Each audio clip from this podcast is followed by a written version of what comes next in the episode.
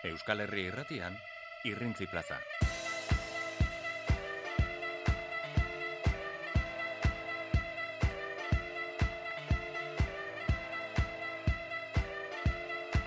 Arratxaldeon entzuleok, arratxaldeon e, lankide, amaia, lasa, arratxaldeon. Baita zurire, arratxaldeon zer moduz reiez? Ongi, ongi, gu hemen eh, ongi, e, horren ongi ez dagoena da gure Josu, Josu ganuza ez da etorri. Goratzen duzu atzo esaten zuela, ba, ez da harrian zerbait bai, zuela. Bai, bai, oroitzen naiz, bai. Bai, bai, bai, bada medikoak eh, gomendatu dio, ba, mutu etxean lasai gelditzeko, beraz, eh, hortxe egonen da. Eta ziur gaudenez, ba, hortxe egonen dela irratia piztuta eta guri entzuten, en, bueno, ba, aholku bat, e, Josu, zaindu, zaindu harria, bakizu, kuzu hartu, urberoarekin, eta, eta beira, oparitxo bat zuretzako, ja, berpizten zaren.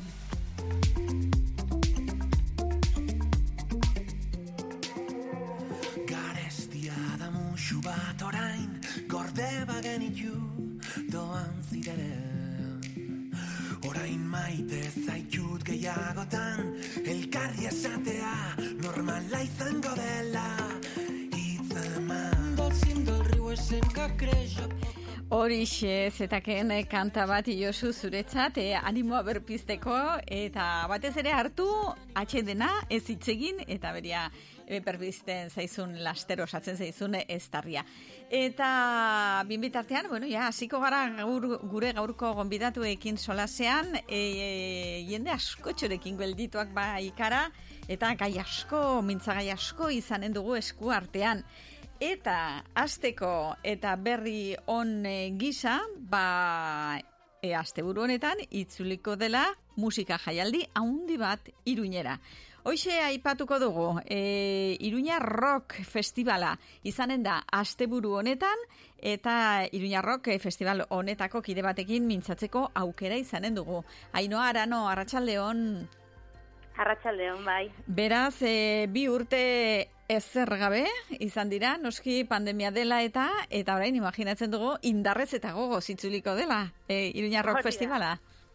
Bai, bai, indarrez, gogoz eta lan handiz baitare. Hementxe gabiltza azkeneko prestaketekin eta bai, zuk esan duzuna, ilusio handirekin, gogo handiekin, bi urte luze luzeak egin zaizkigu bai guztioi eta eta bai, hementxe gaude gogoz beterik. Primeran, Navarra arenan izanen dira kontzertuak denera, amazazpi e, andana uh, talde pila, talde mordoa eta oso nakai gainera konta iguzu. Zenolako menua eskeniko diguzue? Bai, esan duzuna, bi egunetan zehar izango dira kontzertuak, amazazpi guztira, e, eta banatu dira, bueno, bi egunetan, egia da agian ostiralekoa dugula pizka bat rokeroagoa, ez da? E, bertan izango ditugu, bueno, Mos, Sutagar, Lendakariz Muertos, Desacato, Tropado Karaio, Segismundo Toxikomano, eta baita ere, e, txeko batzuk, Begilti Brigade. Eta, eta larun batean, beste hainbeste, ez da, segia da, inoiz baino e, goiztiarrago datorrela e, iruñarrok aurten, eginda ahal egin berezi bat bizkat ordutegiak ere zabaltzeko, eta, bueno, pandemia gara hortan hartu dugu ohitura bat dela igual egunez gehiago aprobetsatzea, ez da, eta eta afizionatu gara, e, ba hori, egun osoan, e, egun osoko, ba, parranda horietara, ez da, egun aprobetsatu gaua beharrean, eta, ba, bueno, iruñarroketik ere eginda alegin bat, ba, ordutegiak luzatzeko, eta larun batean, ba, bermutarekin batera, ordu bat erdietan irekiko dira Navarrarenako ateak, eta hortik aurrera, ba, kasu honetan ez roka bagarrik, baizik eta, bueno, e, rapa eta bestelako musika estilo anitzak izango ditugu, ba, goizeko lauak arte. Aha, beraz, e, bermutaren ordua, gero arratsalde partean ere ohitu gara tardeo horretan, ez da, e, musika kontzertuak eta entzutera, eta hor egun osoan zehar, e, ba, musika. Eta konta iguzu, hor, Navarra arenan izanen dira kontzertuak, e, nolakoa izanen da jaialdia, hor, estenatokia, estenatoki bat, baino gehiago jarriko duzue, e, gero, ba, e, jatekorik, edatekorik izanen da, erretzerik bai, nolakoak izanen dira detaile horiek guziak? Bai, bueno, saiatu gara mantentze pizkat aurreko ediziotako e, bueno, ba, eskaintza berdina, ezta? E, arrazoi horrengatik barearengatik ba atzeratu behar izan da jaialdia, ba, ba, pandemia dela tazta, bueno, jaialdi batek eskatzen duelako, ba, leku itxia izatea, jendean dana, e, edateko guneak, jateko guneak, eta horrek ba, pandemiarekin ba, oso zaila zuen bateratzea, ezta? Eta kasu honetan, bueno, ba, jada Nafarroko gobernuak ba, hainbat neurria altxatu dituelarik, ba, e, gainontzeko urteetan bezala izango da estenatoki nagusi bat, e, bakarra, kasu honetan, urte batzuetan bi estenatokitan banatu izan da, baina urten dena estenatoki nagusi bakar batean kokatuko da, eta gero izango da, ba, pistan bertan, ez da, gradarik ez da erabiliko. Aurten, dena egongo da pistan kokatuta, eta bertan, ba, edateko e, gune bat, barra handi bat, eta baita ere, ba, e, jateko zonalde bat edo izango da, e, neurriei dagokienez, ez da, kasu honetan, pasaporte, COVID pasaporterik beharkoia da, e, Nazarroko gobernuak hori ja altxatu zuelako, baina bai, gogoratzen diegu hemendik, ba, bertaratuko diren guztiei, ba, musukoa erabiltza derrigorrezkoa izango dela e, une orotan, bai, edateko edo jateko momentu e, zehatz horretan e, izan ezik. Eta erretzea, Navarrarena, ba, debekatua dago barruan, baina bai egin duguna da, e, zonalde berezitu bat ireki, ba, egun osoko jaialdia izanik, ba, ba, bertan e, erretzailek ere gune bat izan dezaten. Primeran, eta huendikan gelditzen dira sarrerak eta abonamenduak? bai, bueno, oso pozik gaude erantzunarekin, ez da, bai ez bakarrik zaialdi honetarako, baina bi urte luzagoetan, ba, sentitu dugun babesa, haundia izan da, e, jende mordoa izan da, ba, bueno, bere zarrerak eta bonuak eta gorde dituena, ba, ba azkenean, ez da, bi urte eta gero, ba, egun hauetaz gozatu alizateko, eta egia da, ba, ia azkeneko zarreretan gaudela ia da, ez da, e, gogoratu aurretiazko sarrerak e, erosteko eguna, gaurko eguna dela azkenekoa, bai, eta jada bihar eta larun batean, ba, e, bertaratu nahi dutenek, ba, lehiatiletan edo aurkitu izango dituzte, ba, ba sarrerak. Aha, prezioak ere, aipatuko ditugu? Bai, e, aurretiazko prezioak e, dira e, eguneko sarrerentzat, hau da, ostiralean edo larun batean, bertaratu nahi izan ez gero, hogeita mazazpi euro eta kudak eta gastua kanpo, eta e, bi egunetarako abonuaren prezia izango litzateke irurogeita bost eurotakoa.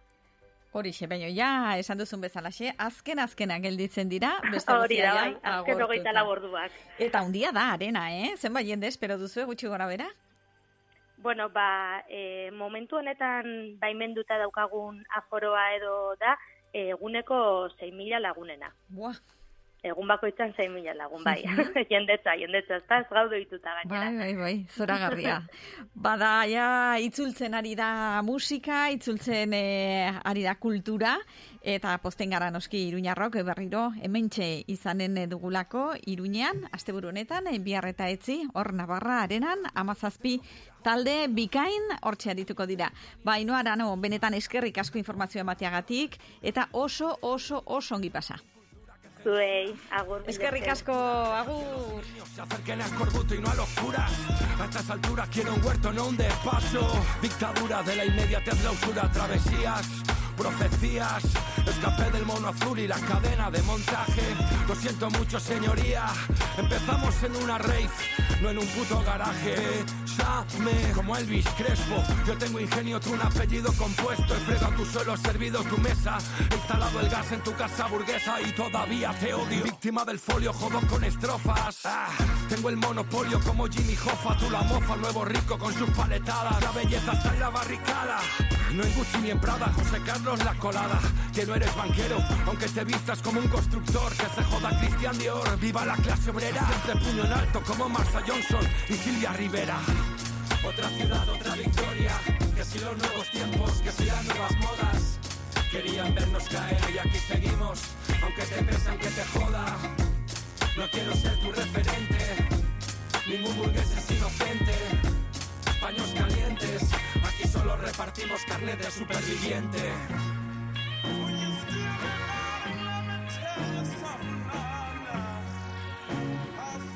Yo, yo, yo, yo.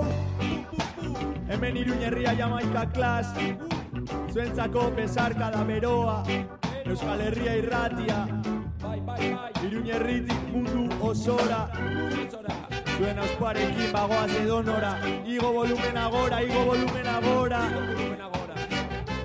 Euskal Herria irratiarekin Arginaren aizdekin Arginarena erregearekin Thank. Famaliving, sofa denda baino gehiago gara. Gure industria ondakinen euneko laro marra baino gehiago birziklatu egiten dugu ondakinoi bikarren erabilera emanez. Aurten gure ondakinen euneko 0 kakotx 0 ama bosta bakarri joan da zabortegira. Horregatik, haen horren 0 ondakin ziurtagiria jaso berri dugu. Famalibin kalitatea eta konpromisoa. Famalibin zure referentziazko denda iruñean donibanen iratxe tanatorioaren aurrean.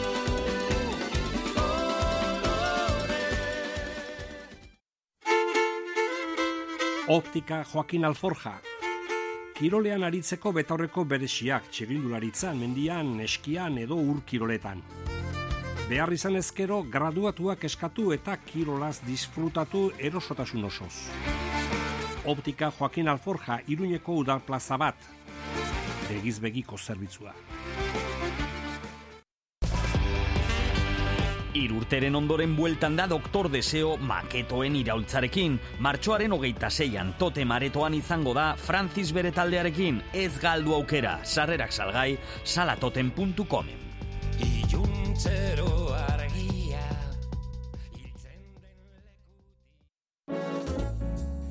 Martxoa koltsoiaren hilabetea. Aprobetxatu koltsoneria gorritxoren eskaintza. Produkturik aurreratuenak eta markarik onenak. Ongi atxeden hartu energiaz beteri jeki eta bizitzaz gozatu. Koltsoneria gorritxo tafalla hogeita zeibiz, tuterako Benjamin zortzi eta urdazubi monasterioa berrogeita bat.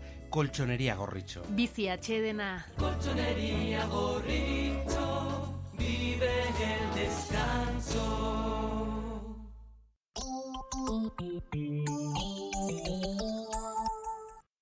Edabideen plaza, tokian tokiko plaza.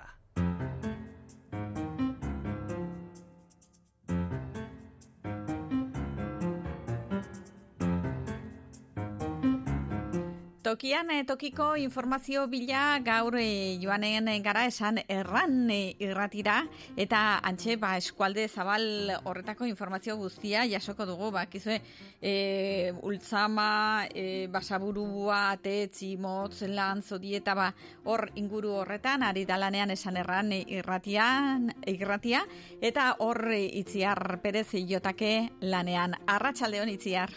Yo, yo, yo, yo.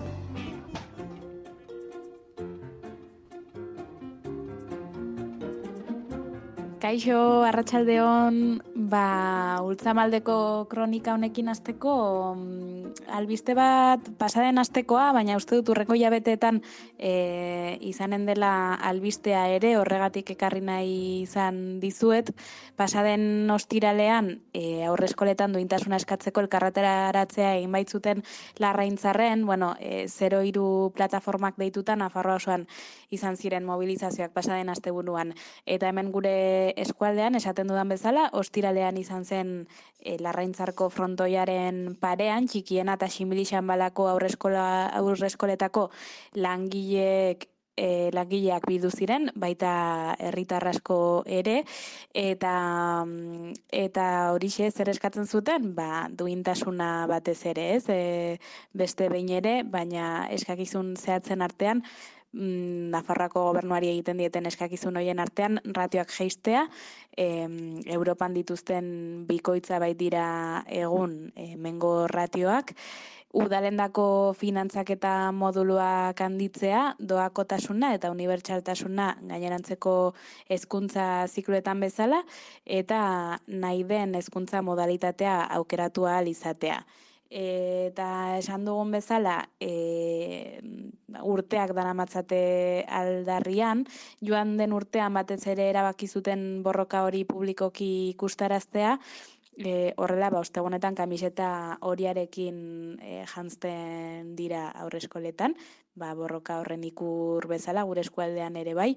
E, eta gero, bueno, Nafarrako parlamentuan aurrean bilkurak egin dituzte, e, idatziak bidale dituzte prentxara, eta zein da batez ere nobedade orain, ba, Nafarrako gobernuak ez duela promesarik bete, eta horregatik iragarri duten bezala, ba, 2008an mobilizazioak areagotuko dituzte, greba egitea ere baloratzen ari dira, eta Eta hori eta mobilizazioen areagotze horretan, ba, pasaden astean hasi ziren, gure eskualdean esan dugun bezala, ostiralean egin zuten elkarretaratzea, talde mm, nahiko handi bate bildu zen larraintzarko frontoiaren parean, eta eh, gainera iragarri diguten bezala mm, urrengo elkarretaratzea martxoaren hogeita seian egitea pentsatzen ari dira, oraindik ez ditugu zehaztasun guztiak, baina banen diguzuegu honen berri ere,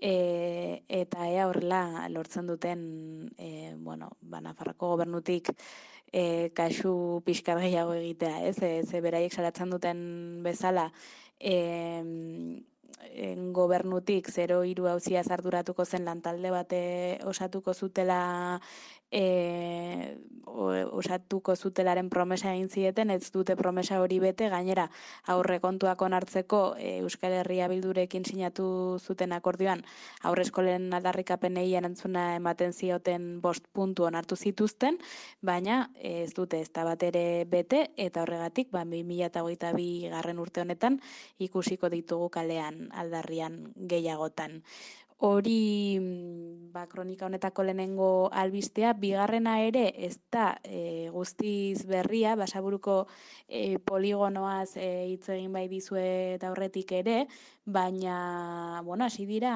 e, ba, poligonoa jarriko duten zelai horretan zuaitzak e, ateratzen. Bueno, e, baritze Amerikarrez osatutako zelai batean, pentsatu baitute e, industriagune hori egitea, eta e, zuaitzoiek e, jaurretik ere kentzea aurre ikusten zen, eta esan dugun bezala ikusi ditugu ja makinak lanean.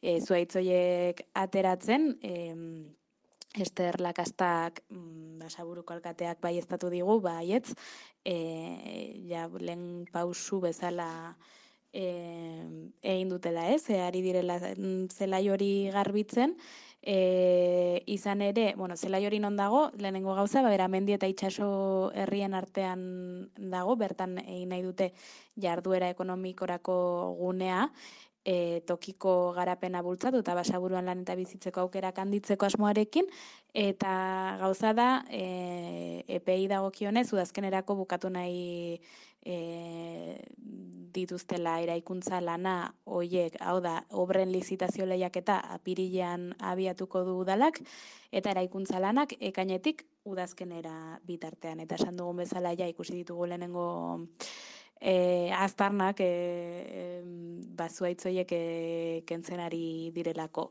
e, poligono hori e, esterlakastak esaten zigun bezala, ba, basaburura egokitutako poligono txikia izatea nahi du udalak, hogeita zazpi mila, ondairu hogeita zazpi metro karratu izan ditu, eta faseka edo pausoz pauso e, eraikiko eraiki nahi dute. Lehen fasean, zehazpi mila bosteun metro karratuko ere mua urbanizatuko litzateke, sei partzela, eta zazpigarren partzela, mm, ba, beharren arabera handitzen joanen dira. Eta eta nola nahi dute egokitu basaburura ere, ba, impactu paisajistikoa e, murrizteko nabek 8,5 metroko altuera izanen dute gehienez, eta bi solairukoak izanen dira, eta eraikinek kolore txuria, eta bi isurialdeko teiatu gorrizka izan beharko dute. Eta gainera beramendira eta errepidera aldera egunea zuaitze zinguratuta egonen da, gaur egun e, esaten genuen, ez? E, larre hori zuaitz Amerikarrez osatuta dago, hoiek moztea e, e, aurre ikusita zegoen eta hasi dira ja, baina la ere e, zuaitz inguratuta egonen da eta horregatik errepidetik ba ez da e, poligonoa ikusiko. Eta hori da e, basaburuko industriagune horri horren inguruko azken albistea. Zer gehiago dugu hemen, ez bakarrik basaburuan, baizik eta utzamalde osoan korrika kulturalari hasiera emanen diote e, bihar, jaso dugu ja, e, korrika kulturala horren e, agenda osorik, mm, lehenengo data orde beharko dugun data hori izanen da e, esan dugu bezala bihar, e, olauen, mustxapelketa antolatu baitute, e, arratsaldeko seietan, eta ja ondoren urrengo estiralean, e, anotzi barko elkartean aurrendako bertxota jarra izanen da, mendiluze eta agirre bertsolariekin, eta gero zortzietan, sagardo dastaketa eta bertso saioa, e, anotzi barren, kasu honetan ja, helduen dako.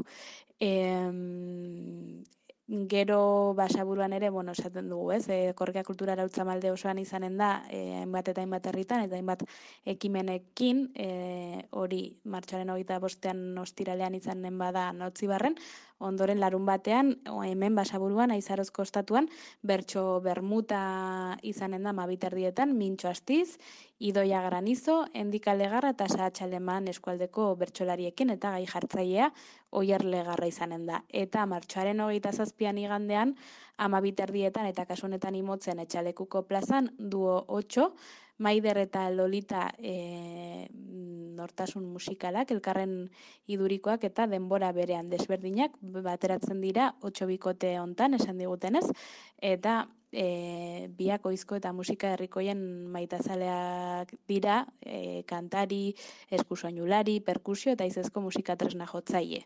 E, jatorri desberdineko soinuak mm, batzen dituzte Euskal Herrikoak, Oksitanikoak, e, Quebec, Galizia eta Brasilieko musikak ere bai, beraz oso itxura polita du am, etxalekun izanen den, du otxo den kontzertu hori, martxaren hogeita zazpian igandean, amabit erdietan.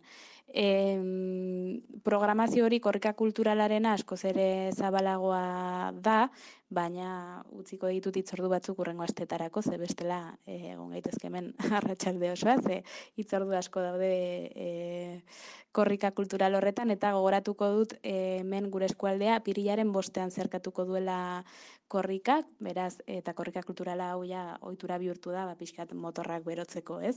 E, ba, horixe, bihar hasiko da gure eskualdean, mm, berriz ere esango dut, olauen, e, mus txapelketarekin anuen.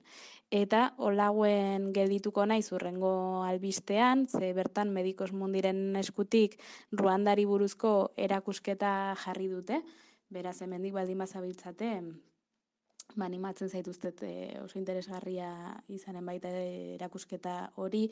E, hain zuzen ere, anueko herritarra den Isabel Oiartzun Azpiroz, e, aritzuko herritarra da bera, eta Ruandara bidaiatu zuen e, medikus mundirekin duela la urte, e, beraz e, erakusketa mm, kontatzen dena osatzeko nahi baldin baduzue e, gonbidatzen zaituztet, eundairuro gita meretzi garren pulunpe irakurtzera, ze bertan baduzue Isabeli egindako elkarrizketa e, barruandaren gaur eguneko errealitateari buruz, e, gauza askota zitze egin zigun, ekonomia, osasunaz, e, bueno, pixka bat nola ari dira saiatzen bateratzen pixka bat haien egoeratik, ez, e, bueno, denok dakigun bezala genozidioa izan zen Ruandan, eta, eta bueno, ba, oraindik e, Isabelek esaten zigun bezala, zauriak e, zabalik dituzte. Eta baita ere esan erranen izan genuen Isabel, e, bere esperientzia hori kontatzen, eta mesti puntu ere aurkituko duzu berari egindako elkarrizketa entzuteko.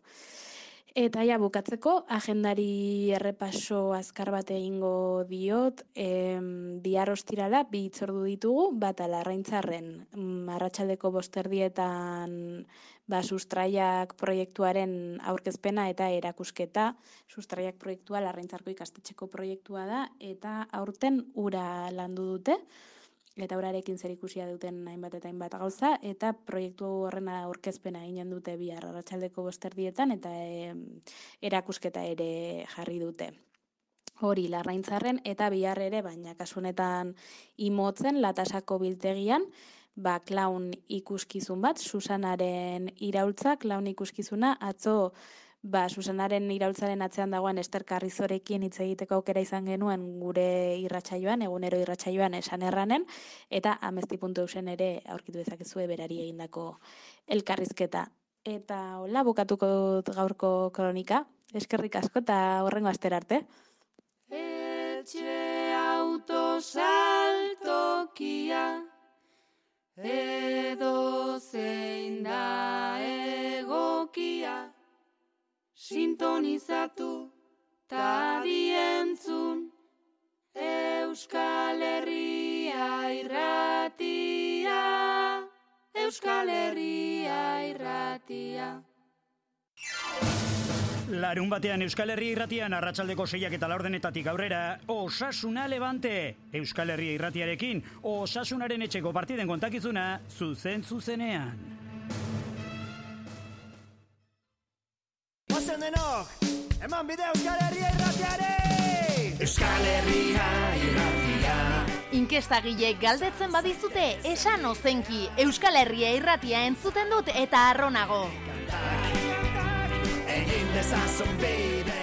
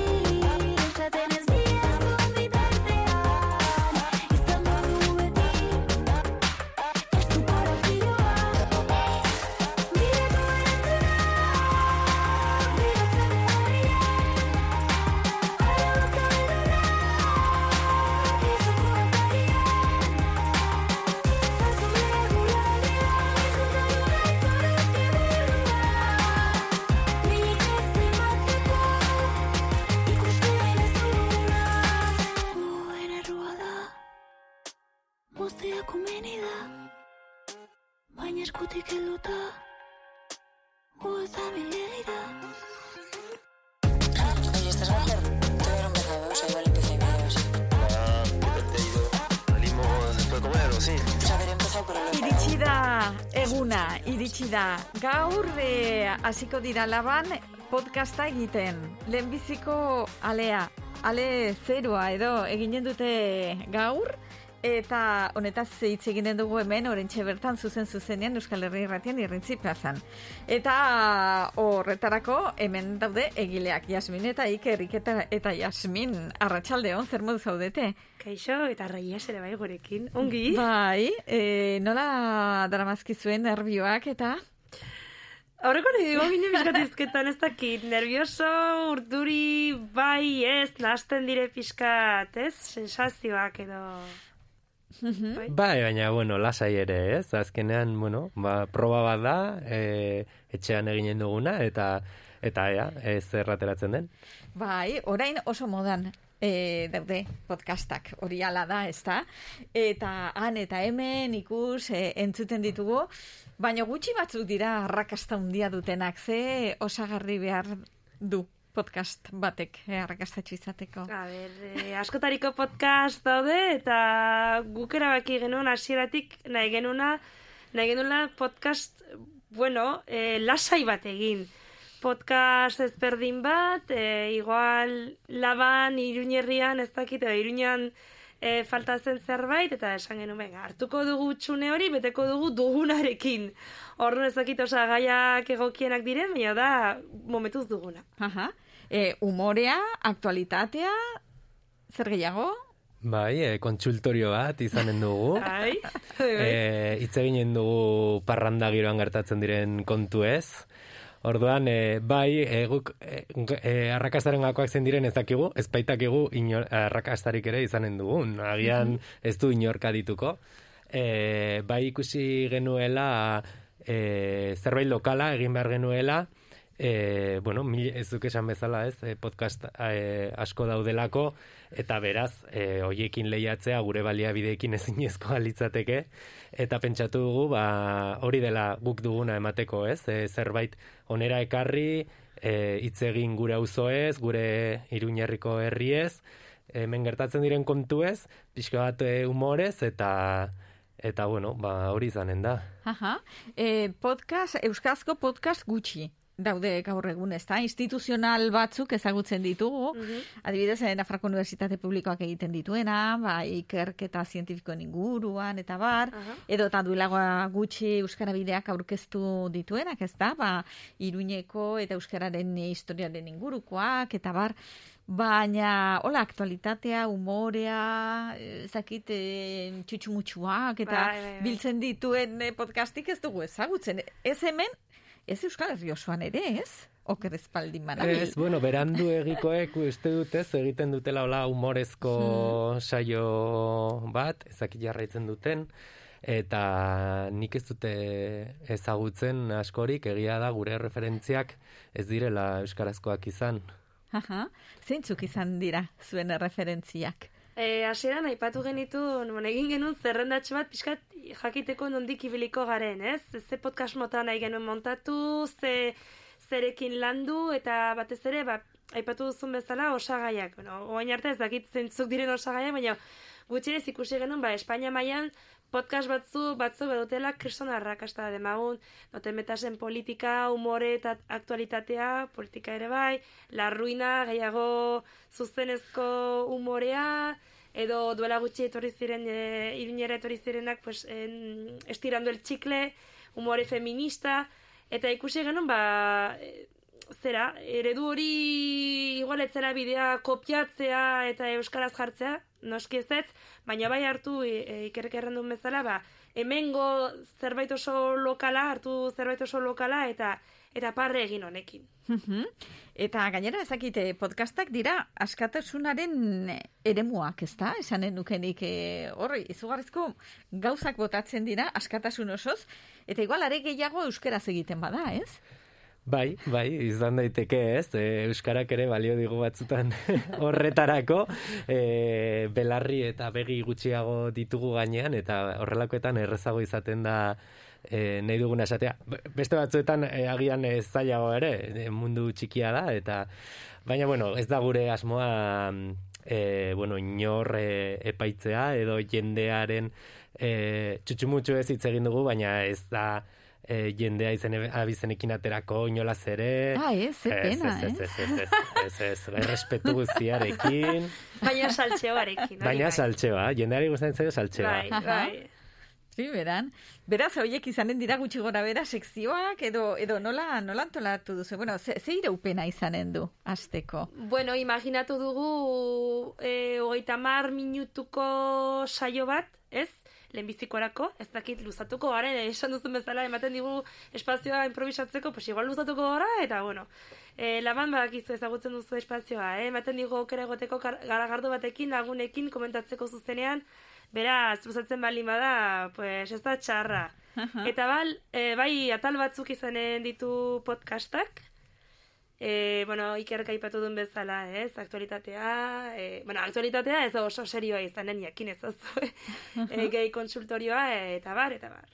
Aha, aha.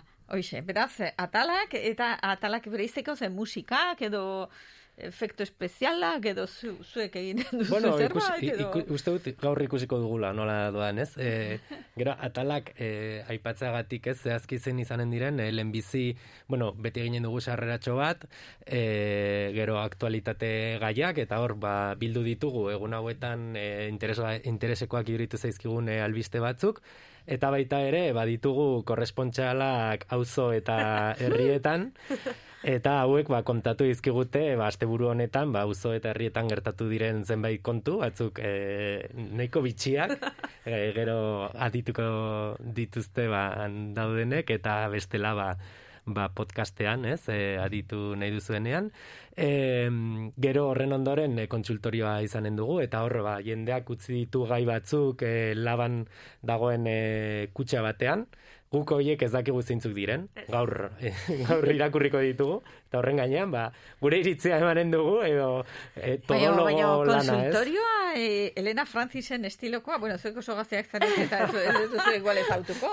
Elena Francis, baina hola, ai, hau gertatu zait. Auskalo, Reyes. Eh, eh, persona batekin, eh, baino, bez dit gasorik egiten, zer egiten da. Bai, igual, bai, izan daiteke, esan genio jendeari, ba, bota nahi duzuna, izan daiteke... Konsultorio sentimentala, sentimentala edo zer nahi guzu tortilla tipurarekin edo gabe. Eta gu zuzenean, pues, ez gara dituak, baina gara, bueno, e, hori horri erantzutea erabaki, erabaki genunok, eta, bueno, Mota guztietako konsultak egin Bai. daitezke. Bai, hori da. Hori da. Guztiz irekia da. Zu nahi duzuna bota eta beria erantzuten dizuten. Bai. Eta, eta galderak edo konsultak egiteko modua hori da, kutsa horretan, quick, Bai. fizikoki, modu analogikoan sartzea, hori da. Momentu honetan e, hori erabaki dugu. E, Horrek ere badu bere xarma, eh? bai, bai, hori da. Garai teknologiko hauetan, nola papertxo bat kutsa batean sartzea, que, mm, maten du, eh, morboa. Bai, bai, bai, eta er, aukera eman genuen, eh, de Twitter bidez eh, zuzeneko mezuren bat idazteko, baina ez dugu jaso mezurik. Orduan,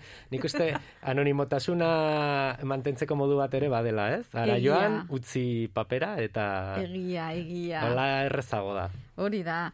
Eta bazpa ere, ba, labako e, zerbitzariek, kamareroek eta barran daudenek mutu, ez? Ez dute esanen nork sartu Ba, den, duen gainera zerbait. ikusi dugu mezu batzuk jaso genituela, eta dagoeneko ez dakigu nork e, utzi zituen. Así que, guretzat, hobe, nahiago dugu baita ere sorpresak harrapatzea, ez? E, Mhm. e, ez dakigu nortzuk utzi zituzten mezu hauek, eta bai, nik uste, e, uzten ari garela espazio bat baita ere, ba, zera, presentzialari, ez? Nahi dugu Mhm. zerrei presentziala izan, orduan horregatik ari gara, bueno, grabatuko dugu podcasta zuzenean laban bertan, ze bai podcast digital bat da, baina baita ere mm, momentu elkarrekin e, zuzenean, toki batean egoteko lasa eta komentatzeko ba bertan. Aha. Zuek ez zuzenean eginen duzue, jendaurrean, baina dena grabatu eginen duzue, eta guk hemen Euskal Herri irratian izanen dugu hori emititzeko orea. E, mm, noski beranduago, eta beste egun batean, eta gero jarriko dugu ere bai, ongiruditzen bazaizue noski e, gure webgunean. Bai, bai. Bai, e, moztu dut iker, baina nik uste, ba, bueno, faltaztera e, ataltxo bat, eta igual azken aldien zaket azken egunotan e, pixkat morbo sortu zena, ze inen dugu elkarrezketa bat, iruñeko, iruñerriko pertsona bati, ezaguna, ez ezaguna, ez, ez dakigu, baino momentu Elkarrizketa. hori da. Elkarrizketa sekretua, beti egonen da, atal hori. Elkarrizketa. Bai, eta deitu diogu debekatuta dago eta e, egunaren arabera ba, gai bati buruz hitz egitea eta pertsona hori ezaguna baldin bada, ba ez dakit, e, idazlea delako, ba, ba literaturaz hitz egitea debekatuta dago.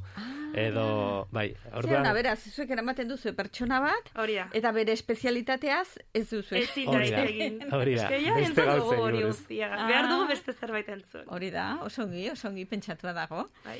Eta, hola, bereziki gazte jendearen ari zaite pensatzen, eh, podcasta hau diseinatzerakoan. Bueno, gu gure esperientziatik, gure gogotik, ez, e, ari gara, orduan ba, baliteke e, jende gaztearentzat interesgarria izatea, baina, bueno, ez du zertan, Ja, ez? ez E, dugu itxi. ez, ez egia esan edo zeinek aditu dezake eta eta egia da ba, elkarrizketatuak ba, jen, gazteak izanen direla behintzat eh, lehenbizikoak e, aukeratu ditugunak e, gazteak izanen dira. Eta Aha. eta bueno gure korrespontxalak ere ba, gazteak dira. Hitz eginen dugu azkenengo parrandan gertatutako gauzez eta hor ba, mm, askotan ba, gazteak egoten dira baina nik uste beste ere gustatzen zaiela jakitea gazteak zertan ari diren, ez? Bai, arriskutsua ere izan daiteke, ez? Aste baldin bazarete sekreto guztiak aideratzen, bueno, ez dakit nik, baina bueno, tira.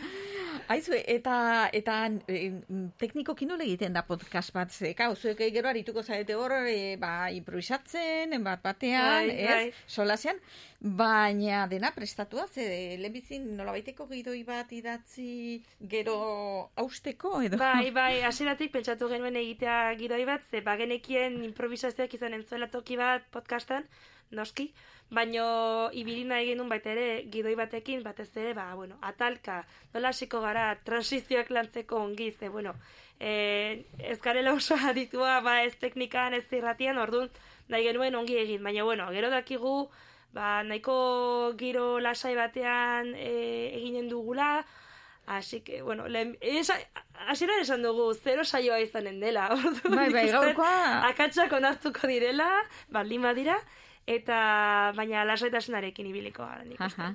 Gaurkoa hori da, experimentatzeko eta Bai. martxan jartzeko ja lehenbiziko saiakera, zerualea, hoixe da. Eta iritziak jasotzeko batez ere. Mhm, Hoi da. Eta hemendikan aurrera, ze asmo, noiz zero egiteko asmoa duzu, eh? Ba, asmoa da apirilaren zazpian egitea e, urrengo saioa, eta gero saiatuko gara amabostean behin egiten, e, gero hor baldintzaturi gaude ez, gure lanekin, eta ikusiko dugu hori betetzeko gai garen, baina gure asmoa hori da amabostean behin e, laban biltzea, jendea etor dadila, eta, eta bueno, ba, gozatzera, ez, eta ongi pasatzera. Primeran, em, badaki te oso lanpetuta zabiltzatela eta podcastak ez direla saiatu behar, bueno, dakit, ez, ez dira saiatzen, ez, podcastak. Baina, bueno, nik eskatuko nizueke, zero ale horren, e, zero aletxo bat, edo entxegu moduko bat, edo ez dakit, edo Aizara ikusteko estiloa. Gehiagi eskatzen, rei, ez da spoiler, ez dakit Ez da spoiler, spoiler, spoiler da bukaera bukatzen, bo, e, e, botatzea, e, esatea, baino nik hasiera eskatzen dut. Dakita, eh? nola hasiko zareten edo... ta, Nola ta, ta, hasiko gara, nola hasiko gara. Imaginatzen dut izanen duzuela. ez? Esan beharko du. Hasiko gara arratsaldeon, eta... Bueno, naiz. Mm, ez dakit, nik uste... Bueno, arratsaldeon. Arratsaldeon, hemen gaude, ez? Eh, Non gaude? Laban gaude? edo- Laban gaude, labadaretoan bai, ez da? Labaretoa? Bai, are gehiago ez gaude inbertzela, bezik eta bia besa batean. Bilabesa batean gaude. Bai? Bakizu iruñean bilabesak, ez? E, izaten dira, e, bueno, ikurretako bat. Bakizu e, bilon, e, Bilon? leioan, lehenbizi ikasten duten hitzetako bat, hemengoa izaten da bilabesa. Claro, claro, claro. Bai, ze, ara joaten gara, eta ba, galtzen dugu bilabesa, eta haiek ezakite zertaz ari garen. Haiek ez dute ulertzen, hori, ez dute erabiltzen. Ez, Bilabesa bakarrik hemen da. Baina, claro, Nafarra asko joten zaete, ez, Bilbora ikastera. Hori da, pues, hor- hor hor ikasten dute, bilabesa. Ados. Eta gero bestelako hitzak ere bai. Bai, ez da, zintzuk? Ba, ezakit garrotikoak. Garrotiko banekien, banekien, Edo garrotiko. horrelakoak, bai, bai, bai. Ordan, bueno, ba, gu saio honetan, ez, e, Sartuko gara bia besan. bilabesan sartuko gara, eta Bai. iruñera zarituko gara. Bai, gure hitzekin, auzoz, herri, Bai. gure jendeaz, Bai, eta beraz, ba, bueno, ba, kanpotik aditzen duenak, ba, iztegi bat beharko du agian. noski. Baina, bueno, ba, ba, ikusiko dugu, agian sortuko dugu iztegi bat, ez? Bai, ez da, negatik ongi, bai, behar da, zenik, badakit, etorri nintzenean ona, hasi nintzen ikasten iruñerriko hitzak, eta baina horretzen ditugu guztiak, ez da? Eta igual, podcastaren muka ez da, guain modan jarri zen, ez? Podcast eta gero liburu ateratzen da, pues aterako dugu gure iztegia. Bai, ba, aterako dugu, aterako dugu. Eta horixe, ba, hau aditu nahi baduzue, eta horrelako gauza gehiago, ba, gero eginen dugu, ez dugu, oraindik esan izena, ez da? Ez, oraindik ez dugu erran. Esango dugu elkarrekin? Vale. Bat, bi, iru. Ongi, egiten dugu iruñekoak izateko. Hoi da honena. Bai, Euskal Herri Erratiak txio bat, eh, txio batean, Bai, bai. eskatu du Ricardo Arregi saria guretzat, Bai, bai, bai, bai, bai, bai, bai, da bai. hasi, baina guai. Ongi egiten dugu, iruñekoak eh, izateko nola esan duzu? Izateko, bai. Hori da. Es- esaldi hori niretzat da mundiala. Ez dut esaten, gukas aurkitu dugulako baizik eta benetan, referentzia gisa baita ere, ulertzen dugu guztiok zer nahi duen esaldi honek, ez? Aha, bai, bai, bai, bai, oso, ez dakit, eh, marketingaren Bai. aldetikan ikuste dut eh, arrakasta izanen duela, eh? Bai, Bai, bai, bai, bai, bai, primeran. Orain, orain edukia, ez? Izena ongi dago, baina edukiz bete beharko da. Bueno, a ver, eh, poliki poliki, eh? Dena egun berean ezin da egin. eh? Ez, ez, ez. Titulo mundiala duzu, pues orain ja be, betetzea izan da kontua. Eta esan duzu, bueno, ba, ba, kritika edo, bueno, aktualitatea, zere hitz eginen duzu, ezakit, eh, aste honetako ak- aktualitatea, ze zer aipatuko duzu, eh? Bai, gainetik bueno, hola gainetik eh, ikusi dugu eh, saiaz eta daner hor dabiltzala alderdi bat sortu nahian, ez? Edo Bai.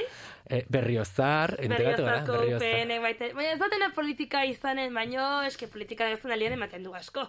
Aha. Ematen du joko asko, orduan para egin behar dugu honen ingurun, ez da? Aha, bai. Bai, gero, bueno, ez, ez ditugu gogoan, eh? Albiste gehiago ditugu, hor- argi dago, gidoia behar dugula. Bai, bai, bai, egiten bai. ditugu.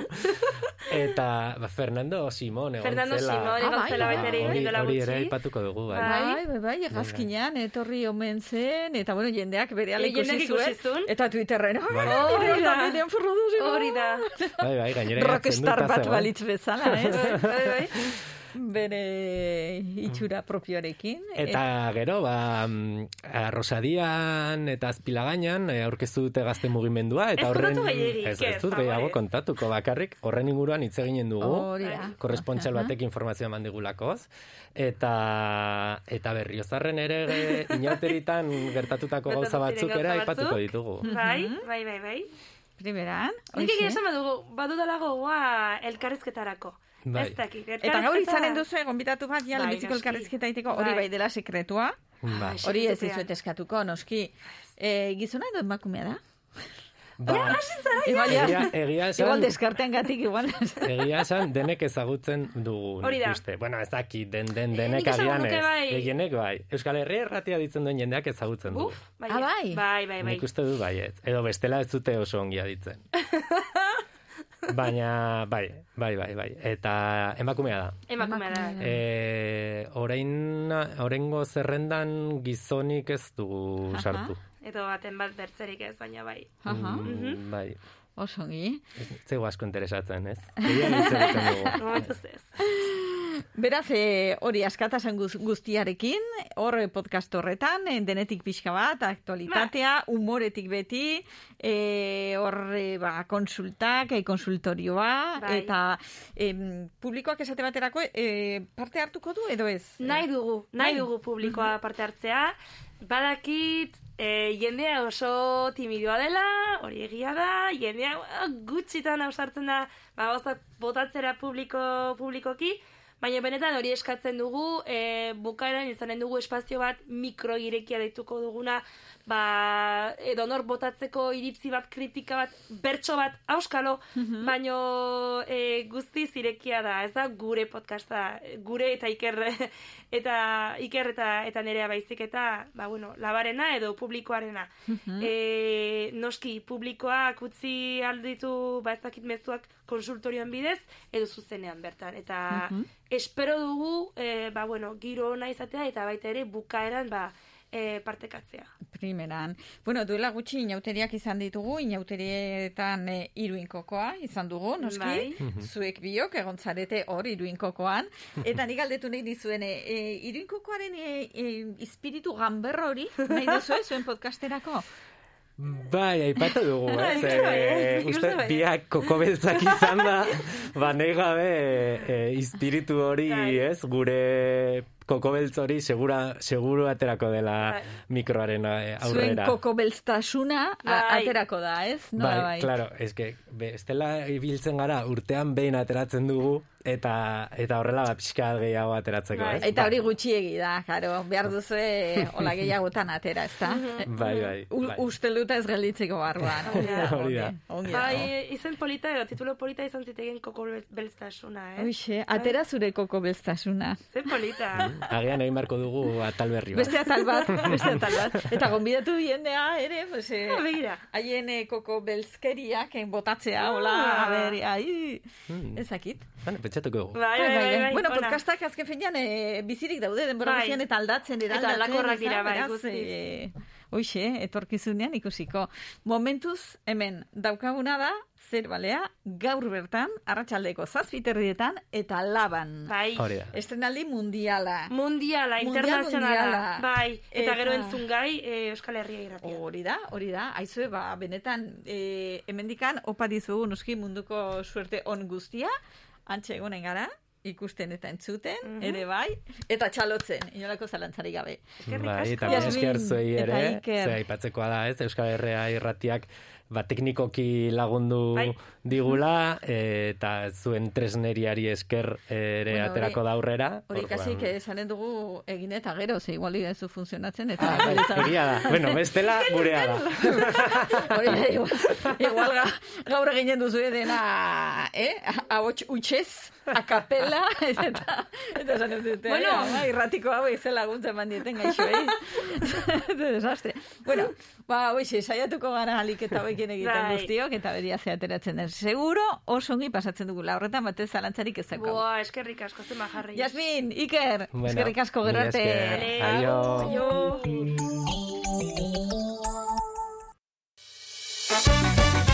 Biatz, rokodromoa, maila guztietako erronkekin ornituriko bulder instalazio zabalak, kirol eskaladan aritzeko lekua, zailtasun ezberdineko bide eta makurdura aldakorrekin. Adin eta maila guztietako ikastaroak, astapenekoa sei urtetik gorako aurrentzakoak eta helduentzako entrenamenduak taldeka. Informazio guztia, biatz.com webunean eta sare sozialetan. Biatz rokodromoa, landabengo industrialdean gaude. Gero eta gertuago gaude rural kutxan. Garrantzitsua da elkarrekin azten eta aurrera egiten jarraitzea. Amets egiteari ez usteko, betikoak izaten jarraitzen dugu. Horregatik, gertu egotea gustatzen zaigu. Beti.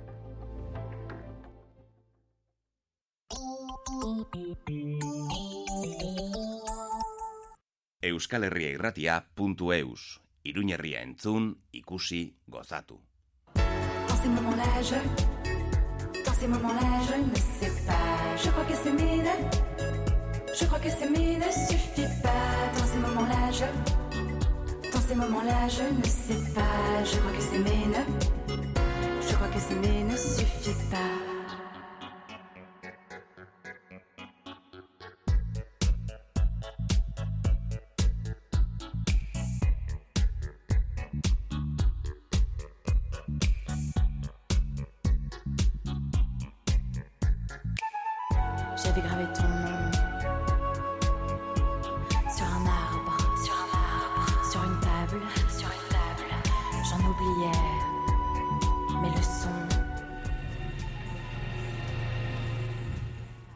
Arratsaldeko bostak dira.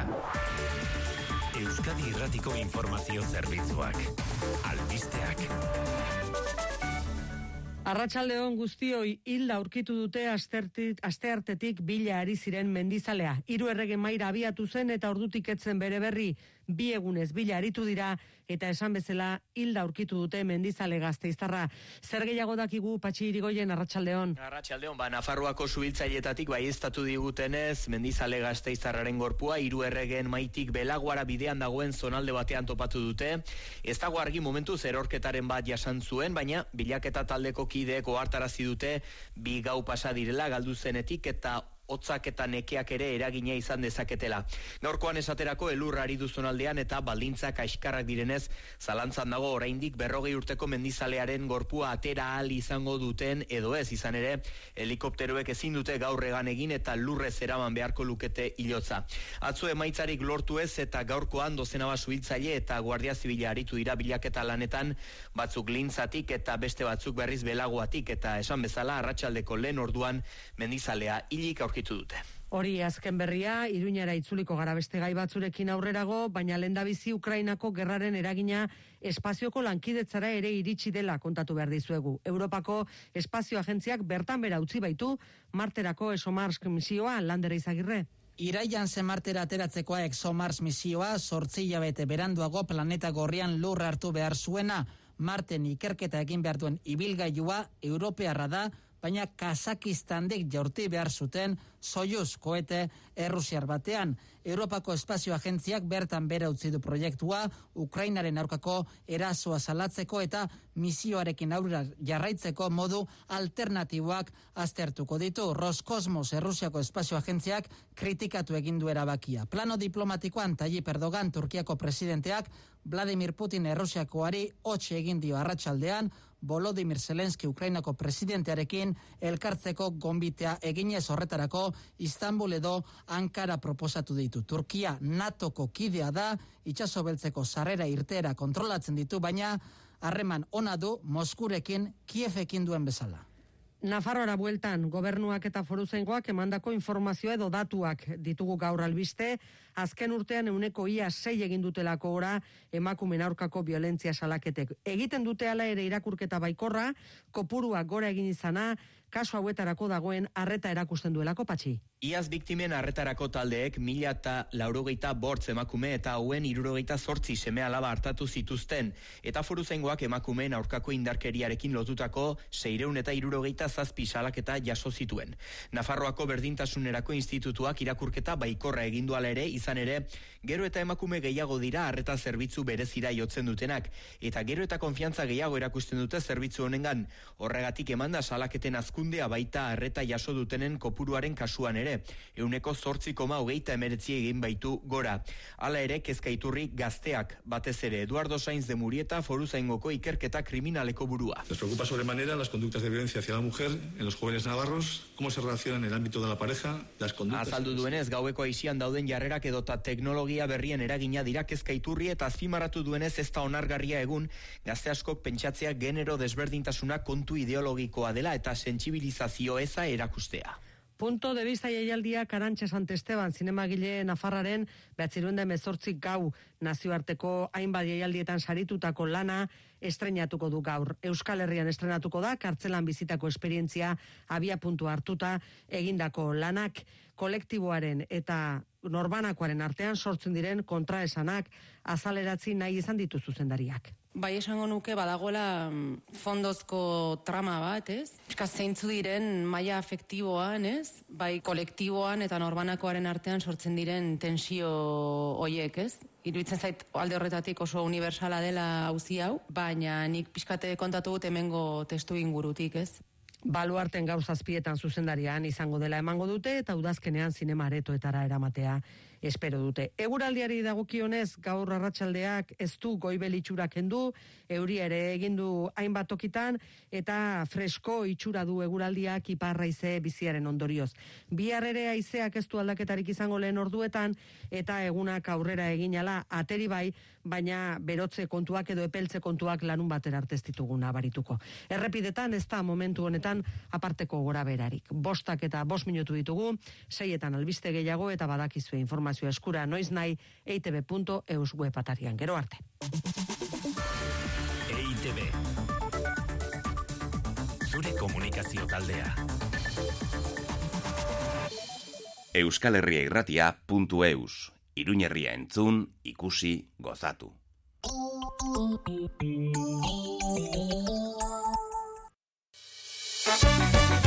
Biatz, rokodromoa, maila guztietako erronkekin ornituriko bulder instalazio zabalak, kirol eskaladan aritzeko lekua, zailtasun ezberdineko bide eta makurdura aldakorrekin.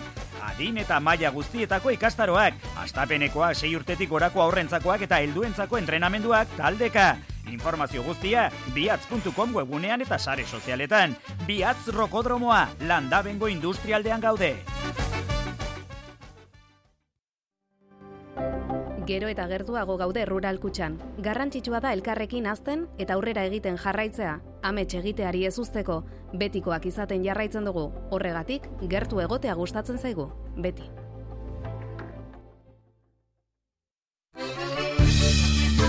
Biltoki Euskaldunon elkartea, martxoaren emeretzian larun bata, Biltokiren txotx eguna astigarragako etxe berria sagardotegian. Ir, irteera amabietan autobusean txantreatik.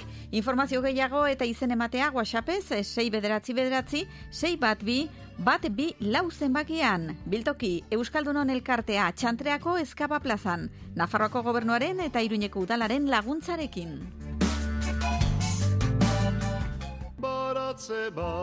Emakumeen osasunari garrantzi handia ematen diogu ekiaeko dendan garrantzitsua baita barrutik eta kanpotik zaintzea. Higiene intimorako produktu ugari aurkituko dituzu ekiaeko dendan baita aurpegia gorputza eta hilarentzako kosmetiko naturalak ere, eta emakumearen barne oreka zaintzen laguntzen dizuten osagarrietan aukera zabala. Ekia eko denda iturra mauzoa Fuente del Hierro lau.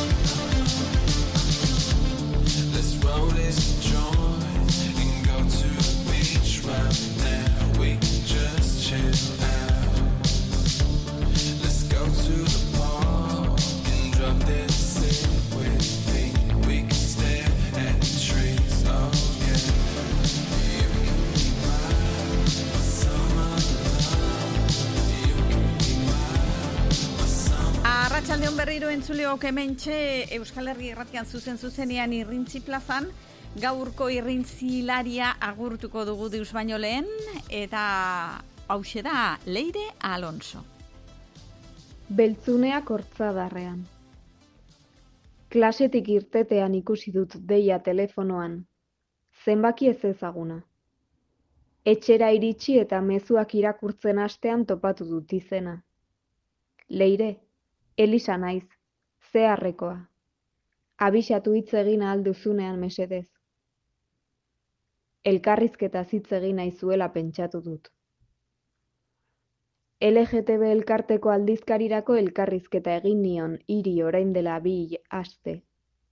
Institutuko frantsesa astua aski izan nuen, eskuz idatzitako sei horriek ozkirria eragiteko. Hogei urterekin erail nahi izan zuten mutikoa topatzeko. Etxetik eta herritik ies egin behar izan zuena. Kilometroak eta herrialdeak igaro ondoren, artean aske maitatzeko aukerarik ez zuena. Itsasora salto egiteko erabakia hartu zuena. Garrantzizko ezer esperoen nuen arren deitzeko esan diot. Poliziaren elkarrizketa ekainean zuen, baina aurreratu egin diote, gaur egin du. Abokatuak jakin nahi du ea posible litzatekeen elkarteak dokumentu bat egitea esanez, i bolondres moduan aritzen dela zuenean, eta elkarrizketa egin diozuela aldizkarirako. Nola frogatzen da sexualitatea? Zenbat hortzadar marraztu behar dira institutuko kuadernoan, jaioterritik hiru mila kilometrora asilo eskaera betetzeko. Kontrako eztarritik joan zait eskuan nuen ogixerra elkarrizketarekin batera. Elkarteko kideei idatzi eta korrika irten naiz egoitzara paperak prestatzera. Egin ditugu lehenago alakoak, bilaktu dokumentuak arpetan. Eta ni izoztuta, nire berrian, hortzadarraren beltzuneetan txiki. Irrintzi plaza, Euskal Herria irratian. Kar, kar, kar, erderakak Euskal Herria irratian Maketoak entzun dezan Ez horregatik, zaiz Kaixo, hemen kiliki, tximafeatik. Eh, bazkietu Euskal Herria irratia. FM... Ah, em, ah, mira. Eh, 2022 ekialdearen da.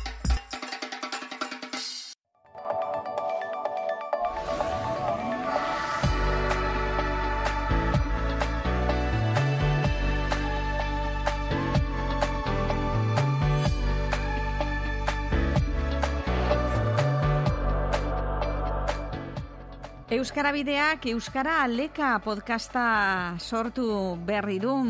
Euskarak Nafarroan eta hiriburuan bertan mendez mende izan duen garrantzi erakusten duen lan hau Nafarroko gobernuak egindako lehen podcasta da. Duela gutxi aurkeztu zuten eta entzun gaietan ematen den informazioa, e, informazio historikoaren iturriak Nafarroko euskararen gaineko historiografia landu dute egile ezagunen ikerlanak dira. Besteak beste, hortxe, ba, Jose Mari Jimeno Jurio, Peio Monteano, Jose Marisa Trustegi, Patxi Salaberri, Jose Miel Bidador, Mikel Velasco, Fernando Mayora eta Xavier Erize besteak beste. Eta podcasterako material historikoen hautaketa Enrique Diez de Ulzurrun itzultzaile eta idazleak egin du. Eta berak ere ahotsa jarri du podcast eh, hauetan. E, hainbat e, atal e, kaleratu dituzte, ja da, e, argitaratu dituzte, beste batzuk etorriko dira laster, e, Euskaraz eta gaztelaniaz ere egin dituzte, eta denera ba, Euskaraz e, amairu eta gaztelaniaz beste horren beste. Eta orain, hemen, adituko dugu, basail honetako lehenbiziko alea. Euskara Aleka. Gure hizkuntzaren inguruko istorioak Nafarroan. Euskara bidearen podcasta. Gobierno de Navarra. Nafarroako gobernua. Ongi etorri, entzule, Euskara Aleka podcasta duzu hau. Gure hizkuntzaren gaineko printzak Nafarroan aleka banatzeko asmotan gara. Gaur, lehenengo atal honetan, gure bazterretan ibilitako bidaiarien kronikak ditugu izpide. Euskararen inguruan, zer utzi zuten idatzita? إن أهل بمبلونة يأكل القليل ويعكفون À على Pamplune, on parle l'espagnol et le basque. Ogiez brot, ardoa bai, nor da, eristez? Nafarroa beti izan da pasabide bidaiariendako. Eta haietako haunitzek, Euskarari erreparatu diote gure lurraldeaz eta hiriburuaz mintzatzean. Lehen lekukotasuna, amargarren mendekoa da. Arabieraz idatzia dago. Egilea, Aljinjari izeneko geografoa da. Hau da, Abderraman irugarrena, buruzagi arabierrak iriaren aurka egindako kanpainaren kronikaria. Hauxe idatzi zuen. Iruñeko biztanleak pobreak dira. Ez dute aski jaten eta lapurretan aritzen dira. Gehienak euskaraz mintzo dira eta horregatik etzaile bat ere ulertzen. Aljinjarik euskarari albaskilla esaten dio.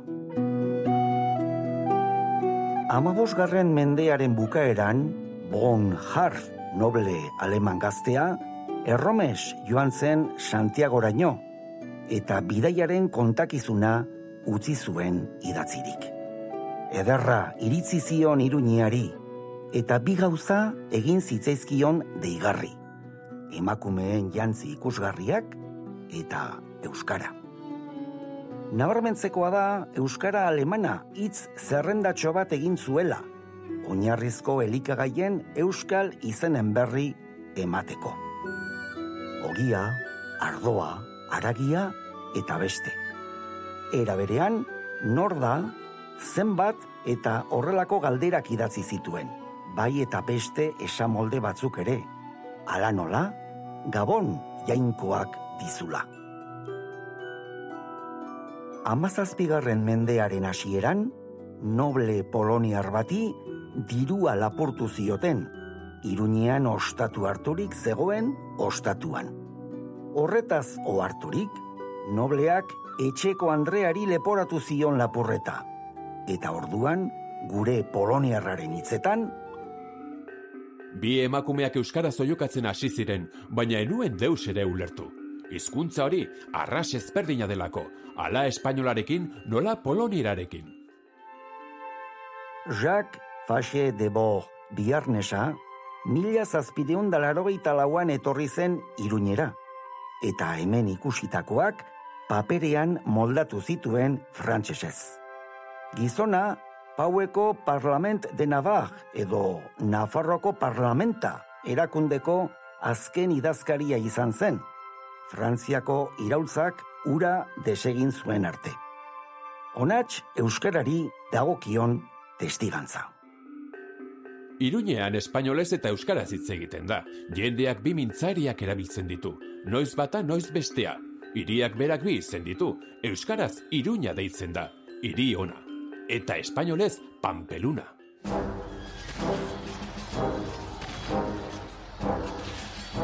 Napoleonen kontrako gerran, Wellington generalaren soldadu ingelesak, mila zortzideon da amairuan iritsi ziren Nafarroara. La urte zeramatzaten penintsulan, eta hastia izan zuten gaztelaniaz zerbait ikasteko.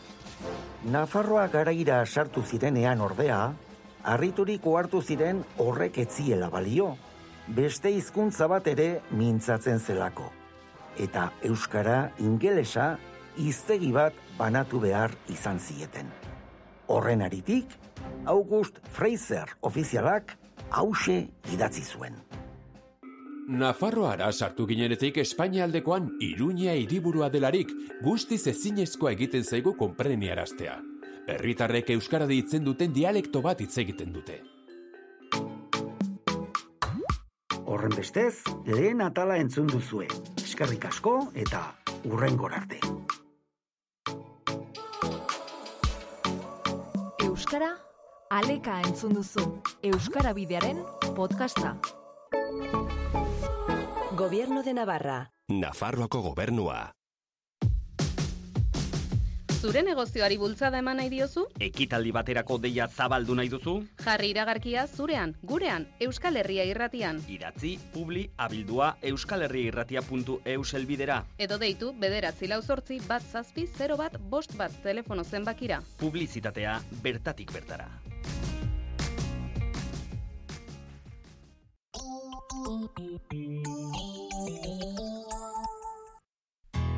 Kirola egitea gustuko duzu? Itxaso karabanak zuretzako diseinatutako kanperrak. Mugarik gabe bidaiatu nahi duzu? Zuretzat diseinatutako autokarabanak eta karabanak. Bidaiatzeko orduan erosotasuna bilatzen baduzu, itxaso karabanak. Eskirozko bigarren eskualde industrialdean, iruñetik bost kilometrora. Hogeita mar urte baino gehiago, bizi eta bizi modu honetaz gozatzen.